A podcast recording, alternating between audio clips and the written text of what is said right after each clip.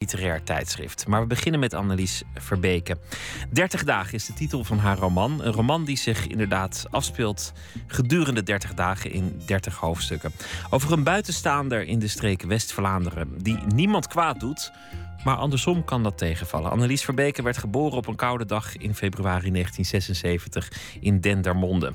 Inmiddels woont ze al lange tijd in Gent. Ze studeerde Germaanse linguïstiek en uh, scenario schrijven. Werd op slag beroemd in België na haar debuut met het boek Slaap. Alweer zo'n tien jaar geleden. Dat boek gaat over een slapeloze vrouw die als tijdverdrijf en een beetje uit wraak anderen uit haar slaap houdt, uit hun slaap houdt. Ze heeft ook andere boeken geschreven: Reus, Groener Gras, Vissen redden. De boeken werden in meer dan twintig landen inmiddels vertaald. En ze won vele prijzen. Annelies Verbeke, hartelijk welkom. Hallo.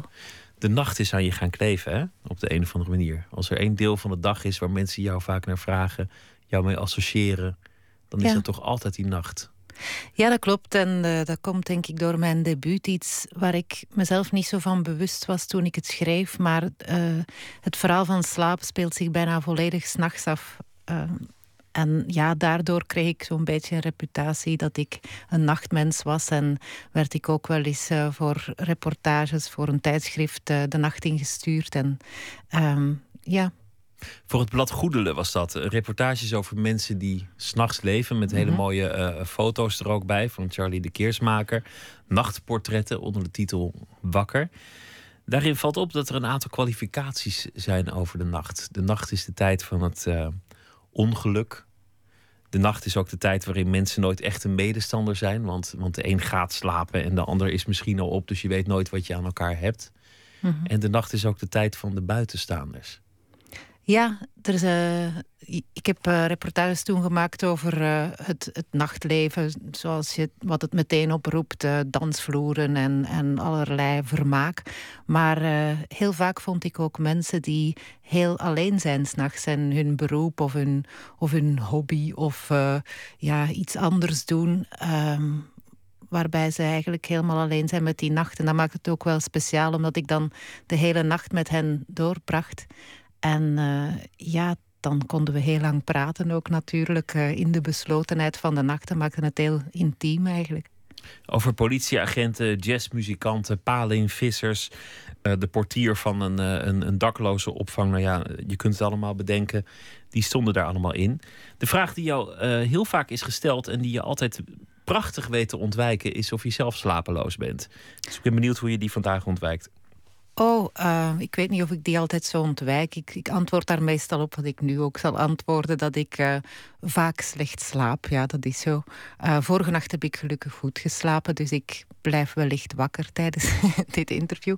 Maar ja, als ik om een of andere reden een beetje opgewonden of gestrest ben, dan betekent dat vaak dat ik ja, niet goed in slaap kan komen. Of, ofwel word ik heel vroeg wakker. Uh, maar ik heb me daar in feite over de jaren gewoon bij neergelegd dat dat dan zo is bij mij. maar als je een boek schrijft dat zo goed verkoopt en, en ook uh, zo lange nasleep heeft in de zin van voorleesavonden, uh, literaire avonden en ook vervolg, mensen die op wat manier dan ook een vervolg geven aan dat boek, um, dan word je waarschijnlijk ook een soort vraagbaak. Mensen die brieven gaan schrijven, mails gaan sturen of, of jou aanspreken bij signeersessies en iets willen vertellen over hun slapeloosheid of, of er naar vragen. Ja, dat klopt. Ik, uh, ik ben heel vaak aangesproken door slapeloze mensen. En uh, ook op veel plekken in Europa. Mijn boek is veel vertaald. Uh, enkele andere boeken ook, maar vooral slaap. En ja, dan kreeg ik de indruk dat Europa echt collectief slapeloos was. Um, maar ja, ik, ik uh, zeg daar natuurlijk altijd bij. Ja, het is een roman. Ik uh, kan geen uh, geneesmiddel bieden of, of ik kan je eigenlijk helemaal niet helpen. het werd zelfs vaak gezegd dat het een boek is dat je wakker houdt. Dus ja, het is helemaal geen hulp eigenlijk op dat gebied. Nee, het zou ook heel slecht zijn als het een boek was dat, dat Waar je iedereen bij in slaap onmiddellijk in, in, in, slaap zou, ja. zou werken. Ben je een buitenstaander van, van jezelf? Past dat bij jouw karakter? Ja, ik ik denk het wel, hoewel dat ik uh, ja, heel veel mensen om mij heen heb. En, uh, dus in die zin niet. Maar ik, ik hou wel van de buitenstaanderspositie. Ik reis ook heel veel door mijn werk. En ik vind het heerlijk om naar een plek te gaan en daarover te schrijven. En ja, dat, dat lukt het best als buitenstaander natuurlijk. Als je ergens alleen bent in een nieuwe omgeving, dan, dan kijk je anders. Zeker als je de bedoeling hebt om daar dan ook nog over te schrijven. Dit boek gaat over West-Vlaanderen, een, een, een streek die heel vaak is verbeeld in de, in de Vlaamse literatuur tot op de dag van vandaag. Maar dat gaat ook al heel ver terug. En er zijn altijd dingen die terugkomen als het gaat over de streek West-Vlaanderen. Het, uh, het sombere gemoed dat, dat in het landschap besloten zit. Uh, de mensen die niet praten, maar wel vloeken. Nou ja, mhm. zo kun je nog een paar dingen noemen. Daar was je helemaal een buitenstaander waarschijnlijk. Want je hebt daar een aantal maanden gezeten als een soort writer in, in residence of iets. Uh, wel, het gaat over de Westhoek eigenlijk. En de Westhoek is, is uh, ja, een deeltje maar van de provincie West-Vlaanderen. En ook het, een deeltje van uh, Frans-Vlaanderen heet dat. Van het noorden van Frankrijk, dus de provincie Pas-de-Calais. En ja, die, die twee grensgebieden vormen samen de Westhoek. En, en de Westhoek, dat is Poperingen... Ja, die buurt, ja. Uh, Ieper zal eronder vallen en dan het, het Franse deel. Ja, en uh, ik was daar, uh, een writer in residence was het eigenlijk niet, maar ik had uh, voor een uh, ik had een blogopdracht voor 300 jaar grens. Dat was een evenement waar de Vrede van Utrecht, die de grens tussen Frankrijk en België heeft vastgelegd 300 jaar geleden, die werd herdacht. Uh, Kamagurka deed daar ook van alles rond. En aan mij werd gevraagd om uh, elke week naar dat gebied te reizen en daarover te schrijven. En dat was heel fijn om te doen, omdat ik kende de streken wel door de Eerste Wereldoorlog. En ja, iedereen is daar wel eens geweest. Uh, de graven en dergelijke, dat, dat kende ik. En ik wist hoe het gebied eruit zag ongeveer. Maar... Want je hebt ooit een boek geschreven over de Eerste Wereldoorlog. Dat... Uh... Ja, ik heb een, uh, ja, een soort van uh, ja, collectors item-achtig boekje geschreven. Dat hoorde bij een oratorium over uh, de Eerste Wereldoorlog. vorig jaar ging dat in première. Um, met Maarten van Ingelgem, die, als componist. Maar ja, de, de Westhoek is een, is een heel bijzonder gebied, omdat het uh, enerzijds zo in verband staat met de dood door die Eerste Wereldoorlog, door al die graven. Maar ook vandaag de dag, uh, er zijn enorm veel zelfmoorden daar, ook bij jonge mensen. Het echt het grootste, zelf, hoogste zelfmoordaantal van Europa in, in dat gebiedje. En het is ook een streek die helemaal leeg loopt. Er komen geen jonge mensen wonen. de oude volkscafés die gaan dicht. Um, en er zijn veel boeren die, die ook hun problemen hebben vandaag de dag. En uh, ja, al, al die zaken maken het zeker een troosteloos gebied. Maar aan de andere kant is, is de natuur er veel aanweziger dan, dan in de meeste plekken in, in België. Of in Vlaanderen toch zeker. En uh, ja, in de lente en de zomer vind ik het prachtig. En dan heeft het echt iets uh, sprookjesachtig, vond ik. Ik vond het uh, geweldig om daar doorheen te rijden en te wandelen. En uh, die dualiteit van dat gebied zit zeker ook in het boek. En het, het feit dat een van de hoofdpersonen heel duidelijk een buitenstaander is. Je neemt vaak in je boeken één uitgangspunt, één thema. Mm -hmm. in, in dit geval was het thema goedheid. Mm -hmm. hoe, hoe begint dat? Ja, bij mij dient inderdaad een boek zich vaak aan met een, met een thema en daar komt dan vanzelf een personage uit voort. En uh, bijvoorbeeld in Visseredden was dat wanhoop. En deze keer goedheid. En bij goedheid dacht ik uh, toch een beetje shit. Omdat uh, ik wilde natuurlijk geen, geen moraalridderig boek schrijven. En als je het over goedheid hebt, dan, ja, dan, dan, uh, dan wordt het moeilijk. Want dan moet je ook uh, pretenderen te weten wat goedheid is. Uh, dus daarom diende ik mijn hoofdpersonage die op het moment dat we hem volgen goed en gelukkig is. waarschijnlijk ook omdat hij tot een soort van zelfaanvaarding is gekomen. Ook echt goed wil doen en kan doen ook voor de mensen om hem heen.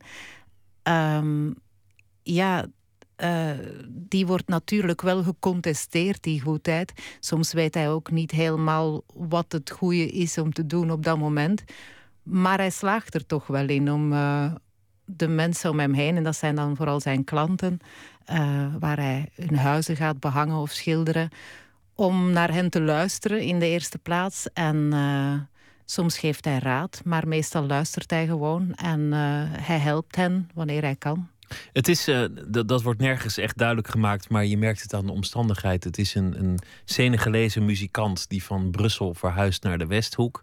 Die daar een klusbedrijf begint, schilderen en stucadoren. Dus heel duidelijk de buitenkant eigenlijk.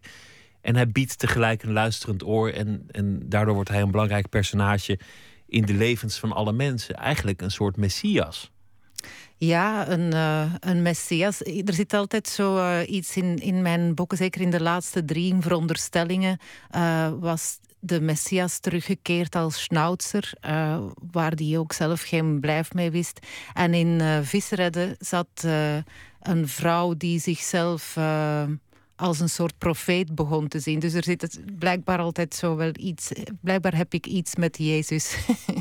maar um, Alfons, mijn hoofdpersonage zelf in 30 dagen, wil zichzelf absoluut niet als een, een messias uh, gedragen. Hij wilde ook geen goeroe worden of zo voor die mensen. Hij doet iets opzettelijk goed, hij doet het gewoon. Hij doet het omdat hij het kan, omdat het kan. Wat is eigenlijk goedheid?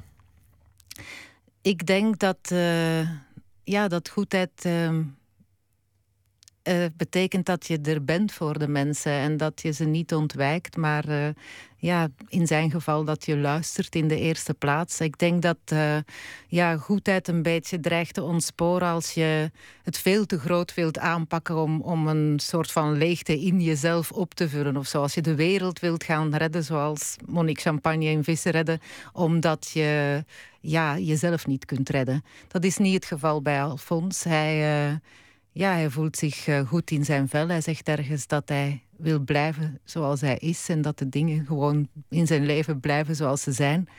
Um, maar uh, ja, de mensen om hem heen hebben wel heel veel problemen. En hij probeert te doen wat hij kan zonder de pretentie dat hij het allemaal op gaat lossen. Maar uh, ja, wel met goede moed. Een van de thema's in het boek is racisme. Um, is, het, is het boek een aanklacht? Is het een, is het een thema dat je aan het hart gaat? Heb je, heb je zelf dingen meegemaakt die je de ogen hebben geopend of, of die je hebben gechoqueerd, waardoor je dacht: ik, ik moet iets doen met het thema racisme?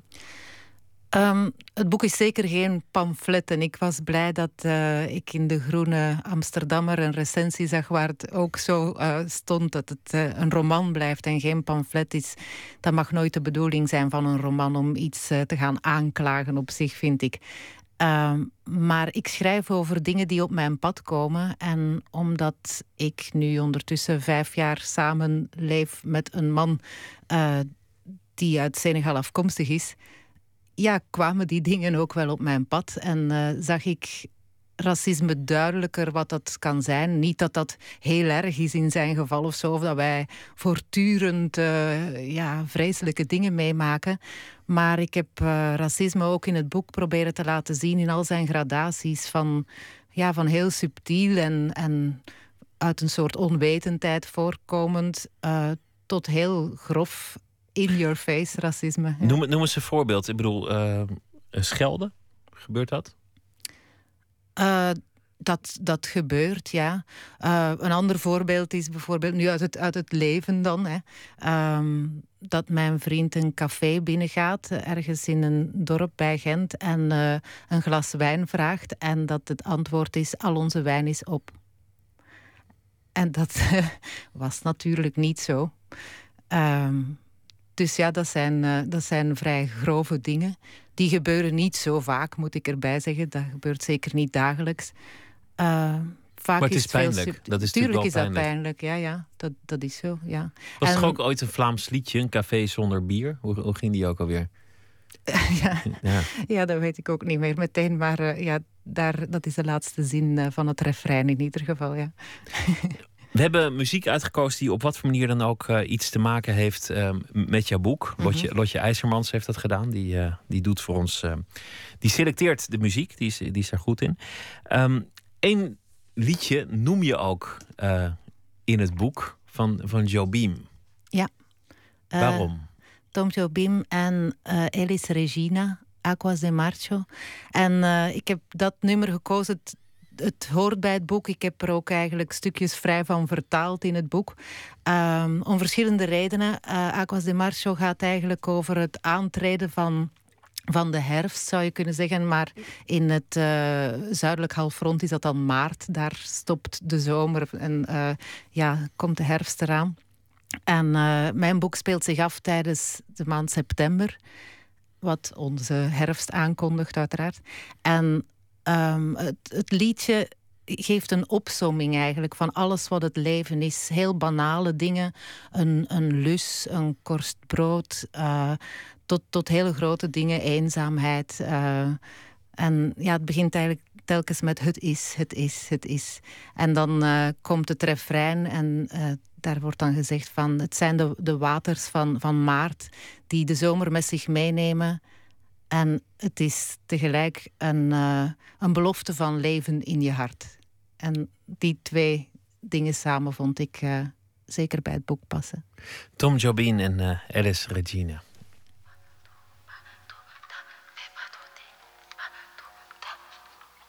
Oh,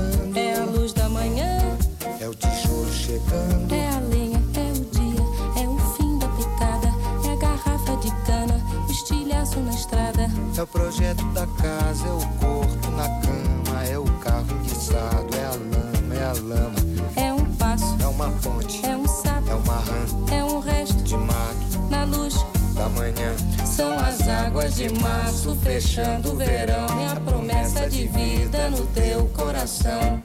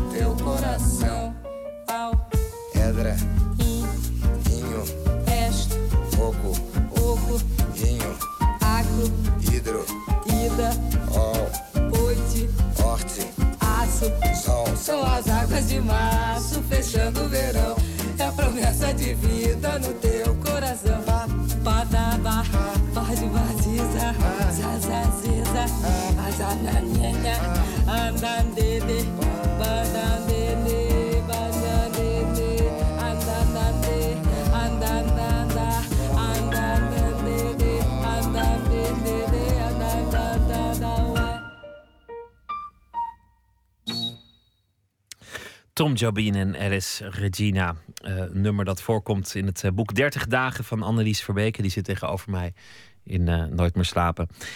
Geboren op een koude februariochtend in 1976 in Dendermonde.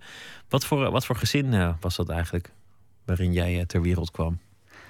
Oh, lange tijd een, een, heel gelukkig gezin. Um, mijn ouders zijn uh, allebei arbeiderskinderen. Uh, mijn moeder werd verpleegster en mijn vader uh, kon met een beurs gaan studeren en deed dat heel goed. En ja, die was dan eerst advocaat en werd daarna vrederechter. Dat is hier kantonrechter, geloof ik. En, dus echt opgeklommen, kan je wel zeggen? Ja, opgeklommen. Of ja, die, die had het geluk met zijn verstand iets te kunnen doen in, in de tijd waarin hij opgroeide. En ja, stuurde daardoor ook wel zo de familiegeschiedenis een andere kant op, denk ik. Ehm, en uh, ja, er was bij ons thuis uh, vroeger altijd veel, veel humor en um, veel verhalen ook eigenlijk. Omdat uh, ja, allebei mijn ouders door hun beroep ook wel heel veel mensen ontmoeten en heel veel verhalen mee naar huis brachten. En ja, die zijn dan uiteindelijk wel gescheiden, mijn ouders, wat wel ja, een jammere zaak was. Maar ehm, goed. Ja, nee, ik heb wel een gelukkige jeugd gehad. Hoe oud was je toen ze, toen ze gingen scheiden? Uh, toen was ik uh, 16, 17. Oh, dat is wel een uh, lastige leeftijd. Ben je toch al overal tegenaan het schoppen en dan gaan je ouders ook nog uit elkaar? Ja, dat was een zeer vreemde tijd eigenlijk. Uh, ja, zo de, de, eind jaren 90, ja, midden jaren 90. Ja. Ging dat heel plotseling of, of was het, want je zei lange tijd was het een heel gelukkig gezin. En dan die scheiding. Uh, was dat een geleidelijke overgang of een, uh, of een donderslag bij heldere hemel? Um, dat ging toch wel vrij plots, denk ik, ja. ja. Papa kwam thuis en zei: Moet je horen? Nee, nee, niet zo, nee. Nee, maar uh, ja, goed, ik weet niet hoe ik dat hier allemaal moet vertellen. Maar um, nee, dat was toch wel in, een, in enkele jaren tijd, laat ons zeggen, uh, kantelde dat. En uh, ja, dat kan gebeuren in gezinnen. Ja, dingen gebeuren. Was je toen al als kind een, een beetje een buitenstaander eigenlijk? Um, wel, ik heb altijd die kant gehad, denk ik. Maar anderzijds denken heel veel mensen van mij dat ik net een heel sociaal persoon ben. En dat heb ik waarschijnlijk ook wel. Maar uh, ja, ik. Uh, je hoeft ook niet altijd het een of het ander nee, te zijn. Nee, mensen zijn veel dingen tegelijk, denk ik. Ik zie mijzelf een beetje als een, uh, een parade. Uh, zo verklaar ik het vaak. Ik ben gewoon een hele optocht van mensen. En uh, ja, het hangt er dan vanaf wie op welk moment de leider is. ja. Welk van jouw persoonlijkheden boven ligt op dat moment? Ik denk dat dat voor heel veel mensen geldt. Ja, dat denk ik ook, ja. Maar het, het, uh, over je achtergrond lijkt mij interessant dat, dat je ouders dan een beetje de notabelen zijn. Want kantonrechter, dat is toch een, een, een chic beroep. Maar ook arbeiderskinderen. Dus dat je mhm. eigenlijk twee milieus van binnenuit kent. Ja, en daar ben ik heel blij om. En dat is uh, misschien soms verwarrend als je opgroeit dat je tot heel veel verschillende soorten werelden behoort. Want ik was ook veel bij mijn grootouders, die dus arbeiders uh, waren. En uh, dat was ook al een heel verschil met thuis. Uh, bij mijn ouders hadden wij heel veel boeken. Bij mijn grootouders was geen enkel boek. en uh, ja, ik ben daar blij om dat ik in verschillende milieus ben opgegroeid, omdat, je, omdat dat je wereld opent en omdat dat je kijk op mensen, denk ik, verruimt. als je van allebei leert houden en in je rug keert uh, naar, naar een van die kanten. Je voelt je niet verheven boven, boven de een en uh, je, je voelt je ook niet zonder meer uh, thuis bij de ander. Dus, dus dat maakt je rijker.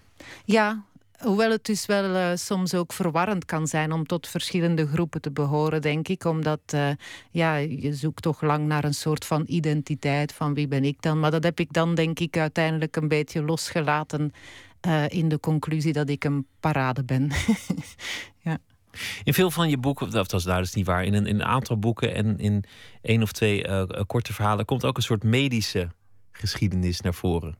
En dat, dat beschrijf je met zoveel uh, verven. Dat moet ook wat te maken hebben met wat je zelf hebt meegemaakt. Uh, ik weet nu niet meer. Nee, niet waar je op. Doet. nou, een van de dingen die ik, die ik las is, is dat, je, dat je in je jeugd um, ver, verpleegd werd voor, voor huidproblemen. Ah, Klopt dat? Uh, Uh, nee, ik ben daar nooit voor verpleegd. Maar uh, ja, als je daar ik heb, ik heb vitiligo, ja. Maar dat betekent dat mijn huid uh, twee kleuren heeft en dat, dat ik ja, half albino ben, zou je kunnen zeggen. Zie je niet echt aan mij. Nee, helemaal niet. Maar nee. je ziet het wel in de zomer als ik dan een beetje bruiner wordt, op wat bruiner kan worden. maar uh, nee, ik ben daar nooit door verpleegd of zo. Ik weet niet uh, waarvan, maar, waar je dat vandaan hebt. Maar um, nee, dat. Uh, ja, wat wou je daarover vragen eigenlijk? Nou, ik, ik vroeg me af of dat uitmaakt als kind. Als je, als je dan oh, ja, iets dat, hebt en dan, dan in een klas zit. En als dan... je er een beetje vreemd uitziet, ja, dat, dat is zo. Dat is wel zo, ja. Ik denk dat die, die buitenstaander kant van mij daar wel mee te maken kan hebben. Ja. Um, dat is misschien heel psychologiserend door om het allemaal terug te voeren op, op een paar van die vlekken in je jeugd. Maar... um, ja, ik denk ook niet dat mijn hele identiteit daar naar terug te voeren is. Maar het maakt je misschien wel um, gevoeliger voor wie uh, er anders uitziet en daardoor er soms niet bij hoort of bevraagd wordt daarover of, uh, of gepest wordt of ja, al dat soort dingen. Uh, ja, dan, dat zal wel. Dat zal mij zeker wel gevoeliger hebben gemaakt voor de buitenstaander als, als idee ook. En, als, en het idee dat ook ja, dat, dat iedereen ook gewoon een mens is. zoals in um, David Lynch Elephant Man, daar, uh, ja, daar komt het wel, wel vaak dan op neer dat, dat, uh, dat iedereen wil roepen, maar ik ben ook een mens, ik ben geen ding of ik ben, ja, ja dat, dat herken ik wel uit mijn jeugd misschien, maar ik had echt een gelukkige jeugd met vrienden. Dus ik wil dat zeker niet dramatiseren. Dat ik uh, ja, dat arme stumpertje was dat door de hele klas gepest wordt. Zo was het niet. Maar um, ja, als, er, als je er een beetje vreemd uitziet, dan, uh, ja, dan, dan weten ze je soms wel te vinden. Of dan, dan word je soms wel omringd door een soort van vijandigheid. En dat zit ook wel in meer van, van mijn verhaal. Ik heb een verhaal in Veronderstellingen, uh, de vrouw met de baard. En uh, dat gaat daar ook heel hard over. En ik denk dat ja, als je wat je eigenlijk ontdekt uiteindelijk, als, als je tenminste geduldig bent, dan is dat uh, wat, wat, waarom mensen je aanvallen, is omdat ze iets herkennen waar ze zelf heel bang voor zijn. Omdat iedereen wel zoiets heeft, iets waardoor hij er niet bij zou kunnen horen. Of, uh, Zeker op een schoolplein gelden dat ja, soort wetten. Ja. Is het een goede gewoonte voor een schrijver om een buitenstaander te zijn? Ik denk dat een schrijver dat in zekere zin altijd wel is. Um, het feit dat, dat je schrijft is ook een, um, een soort. Um, ja, een, een, soort scherm tussen jou en de buitenwereld waar je acht, achteraf na de feiten uh, kunt neerschrijven. Dan niet letterlijk, maar kunt iets doen met wat, je, met wat je ziet, met wat je hoort. En dat gaat niet alleen over je eigen leven, uiteraard. Maar um, ja, dus het is, uh, het is een manier van. Uh, van uh, ja, communiceren is een beetje zwak uitgedrukt, vind ik. Maar van ja, iets, iets neerschrijven is iets anders dan praten. er wordt heel veel gepraat en bij een boek heb je toch heel lang nagedacht over wat je daar zegt. En dat is denk ik het, het grote verschil, dat het, uh, ja, dat het heel lang gemaald heeft en dat het dan vanuit een innerlijke drang uh, een of ander belang naar voren komt.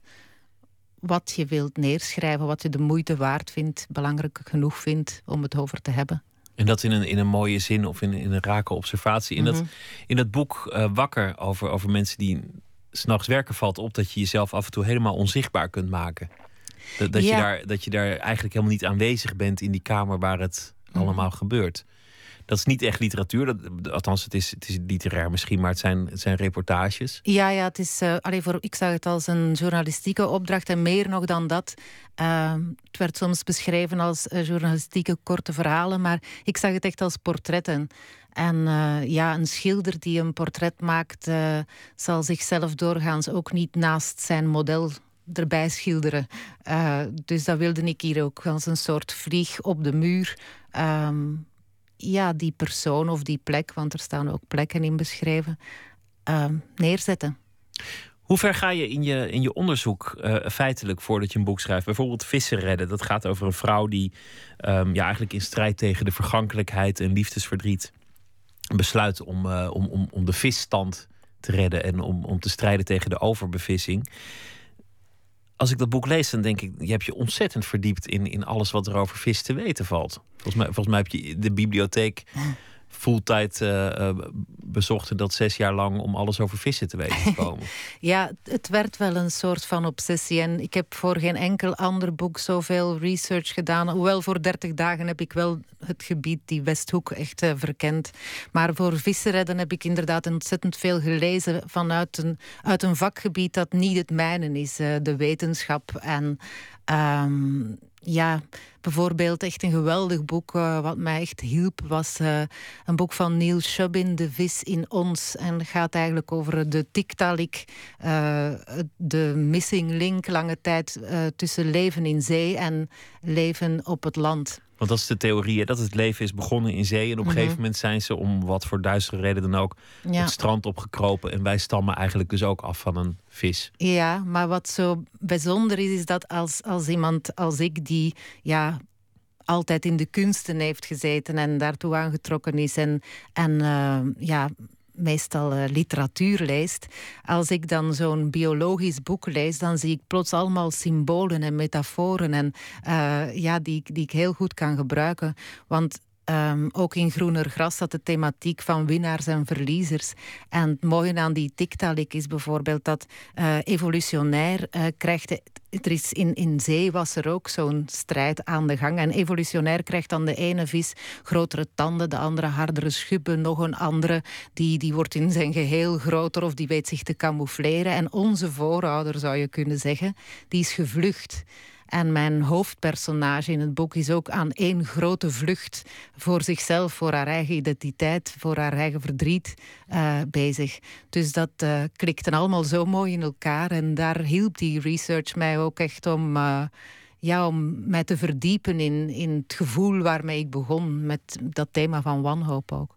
Ja, de, de vissenwereld is mooi, hè? want je hebt, je hebt ook vissen die dan op de bodem liggen in de modder. En dan bij de ene helft gaat het rechteroog op den duur dicht. En bij de andere helft het linkeroog. En die herkennen elkaar niet meer als potentiële partners op een, op een zeker, uh, zeker punt. Ja. Maar het ging ook over liefdesverdriet, over de vergankelijkheid. Uh-huh. Wat heeft dat met vis te maken?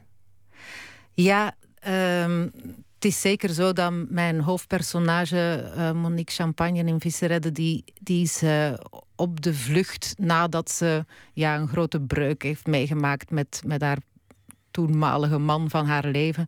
En uh, ze wilde eigenlijk niet toegeven aan dat verdriet en daarom wil ze de wereld redden. En het is niet voor niks dat ze het opneemt voor, voor de vis. Want dat, die zou je kunnen zien als de underdog van de, van de dierenwereld. Uh, heel veel vegetariërs of mensen die zichzelf vegetariër noemen, eten toch vis. Dat was ook voor mij lange tijd zo. Daar, daarna ben ik alles beginnen eten eigenlijk. Maar, uh, maar ik had vis en, en ja, ik voelde eigenlijk geen enkele empathie met die vis. En ik begon me wel af te vragen, hoe komt dat dan? Uh, het is ook omdat we vissen heel weinig zien. Of je moet gaan duiken maar meestal zie je vissen gewoon in dode toestand. Uh, ze tonen ook weinig emoties, uh, vissen. Maar uh, ja, hoe meer ik over vis ging lezen, en ik ben dan ook wel eens gaan duiken en zo. Uh, ja, hoe meer dat ik ja, inzag dat dat ook wel een heel boeiende wereld is natuurlijk, die, die van de vissen. Die ook gedoemd is verloren te gaan. Zoals een liefde ook een, een mooie wereld is die gedoemd is verloren te gaan. Ja, en Monique Champagne die, die neemt het op voor, voor de underdog van de dierenwereld. Omdat ze zelf zo verloren is natuurlijk. Dus uh, ja, voor het, voor het meest beklagenswaardige schepsel uh, neemt ze het dan op. Uh, terwijl ze eigenlijk ja, voor zichzelf zou moeten zorgen. Maar het is een substituut. Ben je zelf wel eens op de vlucht geweest voor, voor verloren te zijn? Ja, ik denk iedereen wel eens toch. Ja, viel, viel, dat, viel dat samen met, met dat boek? Ja, dat viel zeker samen. Maar um, ja, er was in, in, voor het boek ook een, een groot uh, ja, liefdesverdriet in mijn leven.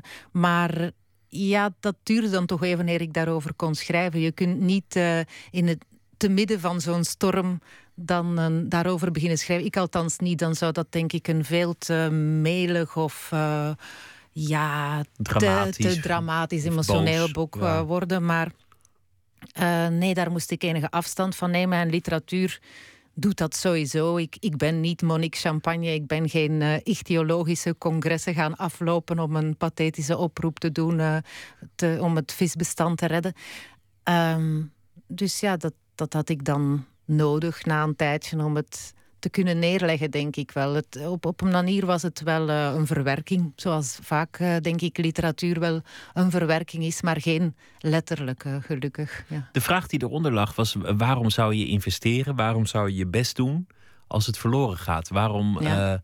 Het, is, het is eigenlijk een wanhoopsstrijd. Het is een wanhopige strijd om die vissen te redden, terwijl dat eigenlijk ja, nergens toe dient. En dat, dat zou je ook als, als metafoor kunnen zien voor die liefde. Het huwelijk van je ouders is gestrand, hoe perfect het ook leek in jouw jeugd.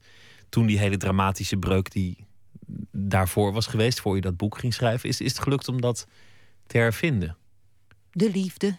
Ja, en, en ook um, nou ja, de moed om er volmondig aan te beginnen. En heb, heb je eigenlijk een antwoord gevonden op die vraag? Waarom eraan beginnen ja, ja. als het zo kwetsbaar is? Ja, dat, dat denk ik wel. Zo voelt het toch. Maar uh, en ik denk dat ik dat in 30 dagen ook uh, onder woorden heb proberen te brengen.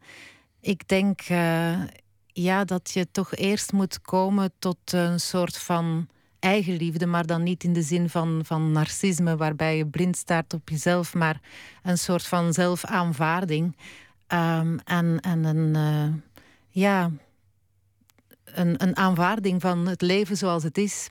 En het leven is niet een kwestie van eerlijk duurt het langst of wie goed doet, goed ontmoet. Zo gaat het niet altijd.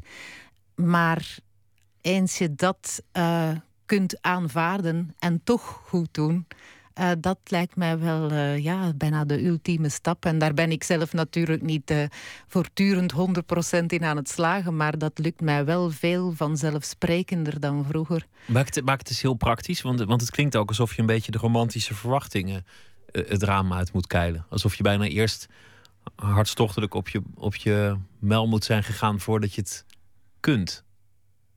Dat zou kunnen, ja. Ik, uh, ik zei vroeger vaak als men mij vroeg van waarom zijn uw uh, personages uh, toch vaak zo ongelukkig en zo problematisch. En um, ja, dat kan ook wel over veel uh, romanpersonages gezegd worden, denk ik dan. Maar uh, dan zei ik vaak, uh, ja, een beetje snobistisch in mijn slechte Frans... les gens heureux n'ont pas d'histoire. Dus ja, gelukkige mensen hebben geen verhaal. En ik had die zin een aantal keer uitgesproken en toen dacht ik... ja dat klopt toch helemaal niet eigenlijk. Ik, ik zie veel mensen om mij heen die heel veel waters, uh, woelige waters zijn doorzwommen. En dat geldt ook voor mij. En die dan toch op een punt komen waar ze eigenlijk wel die tevredenheid hebben en, en een geluk hebben gevonden. En um, dus ja, daar, dat ligt ook aan de basis van 30 dagen. Die conclusie van nee, dat is, dat is wel mogelijk. Ergens kwam een ander, een ander Frans citaat uh, voor. Soyons heureux. Um, laten we gelukkig zijn, laten mhm. we ons verstoppen. Ja, zo kan je het ook oplossen. Uh, ja, en, Wegduiken. En het geldt ook wel voor, voor Alphonse Badji, het hoofdpersonage van dit boek, dat hij. Je krijgt ook wel sterk de indruk dat hij uh, iets ontvlucht is op een manier. Uh, ja, een teveel of zo in, in het leven waar hij in vertoefde. En dat hij een soort van onthechting nodig heeft om dat geluk te kunnen bewaren. Dat is zeker wel zo. En ik denk dat dat ook wel, wel klopt ten dele. Dat je uh, je op een manier uh, moet kunnen onthechten van het drukke bestaan met heel veel bla bla en heel veel gedoe de hele tijd en heel veel uh, problemen die dan misschien geen problemen zijn. En, um, ja, en daarvoor moet je een soort van rust vinden ook wel. En ik denk dat dat ja, heden ten dagen ook niet zo makkelijk is om die rust te vinden, maar dat wel veel mensen daarnaar op zoek zijn. Er zit ook veel natuur in het boek en, uh, ik, uh, en ook veel wolken. En ik werd eigenlijk, uh, ja, sinds mijn, in mijn kindertijd had ik een goede onderwijzer en zo die ons de natuur toonde. En daar deed ik veel kennis op. En dan lijkt het alsof er een hele grote periode in mijn leven was waar natuur van geen enkele betekenis, of waar ik in ieder geval heel weinig in de natuur was eigenlijk. En daar ook niet zo naar keek op, op de manier die de natuur verdient. Of, um, en toen, um, een aantal jaren geleden, kreeg ik dat toch wel weer. Misschien heeft het ook gewoon met leeftijd te maken. Dat ik gewoon meer leek te zien wat er was. En het eerste wat er dan was, waren de wolken. Hoeveel ongelooflijk prachtige wolkenhemels er voortdurend over, de, over onze landen hangen. En um, ja, toen uh, werd ik lid van de Cloud Appreciation Society en vond ik in een uh, boekhandel. de, de, wolkwaarderingsvereniging. ja, iedereen kan daar lid gaan worden. Met, met je kop in de wolken, wat heerlijk. ja, en toen vond ik een boekje bij een boekhandelaar in Gent um, van die society. En um, het heet de Cloud Collectors Handbook. En de boekhandelaar zei mij van, ja, dit is echt ongelooflijk, dat boekje. Dat heb ik in een maand tijd meer dan honderd keer verkocht, zonder dat dat enige reclame heeft gekregen. En er zijn hetzelfde geldt voor boeken over wandelen, boeken over bomen. Uh, het lijkt echt alsof mensen massaal op zoek zijn naar uh, echte wolken boven de iClouds. Dat is het eigenlijk. En... Uh, en dat is een beetje onzichtbaar bezig, lijkt het. Uh, het is niet iets dat echt uh, wordt, wordt gepromoot uh, of dat heel veel aandacht krijgt, maar het is iets wat, wat er wel hangt onder de mensen. Die behoefte aan rust. Je mag kiezen, want we hebben um, muziek uit Senegal of uit West-Vlaanderen. Dus zeg maar wat, wat Oh, moeilijke keuze. West-Afrika of West-Vlaanderen? Ja. um, Ja, doe, doe maar. Uh, uh, ja, jullie weet ik het niet goed. Uh, je hebt denk ik Flip Kaulier gekozen uit West-Vlaanderen. Ja, dat klopt. Ja, ik, ik, ik vind, uh, laat Flip maar eens horen in Nederland, ja. En het is voor een Nederlander net zo moeilijk te verstaan als het, het Wolof uit, uit Senegal. en het nummer heet Ik ben moe. Uit een nieuwe hypers we zijn dansen voor het programma en gespeeld. Dat werkt wel, dat werkt wel. Wat goed was, was het machtig. Wat minder was, was slecht. Dat werkt wel. Hmm. Wij zelf de nieuwe hype zet. We zijn dat goed beseft. En hoe relatief dat is, dat werkt wel, dat werkt wel. Het bord dat u niet kan staan en lacht naar de grote, dat werkt wel. Hmm. Verlies me alstublieft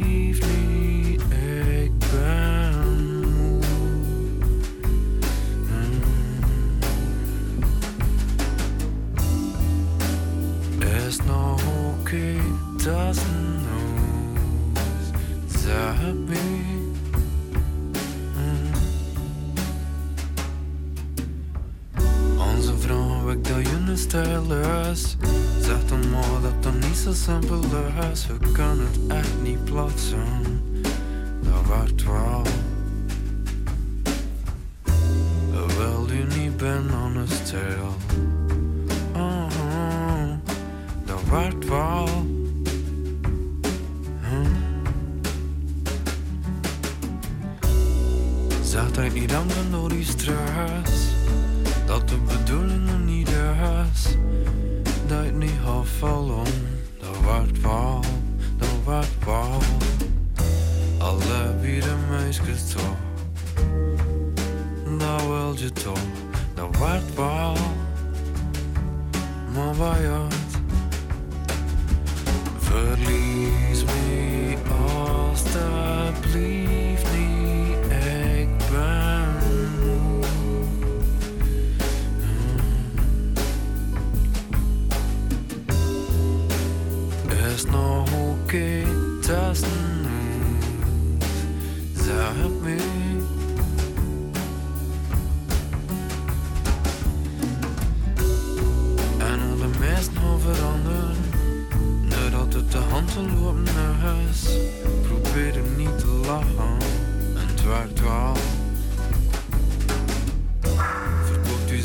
Satan, geloof hem aan een ander.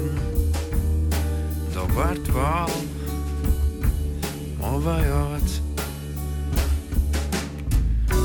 Ze vriendelijk in je radioprogramma's, thuis een machtig vent. Altijd maar van je knetten, dat werd wel, echt wel. Bovenal zit u zelf niet, en komt er wel,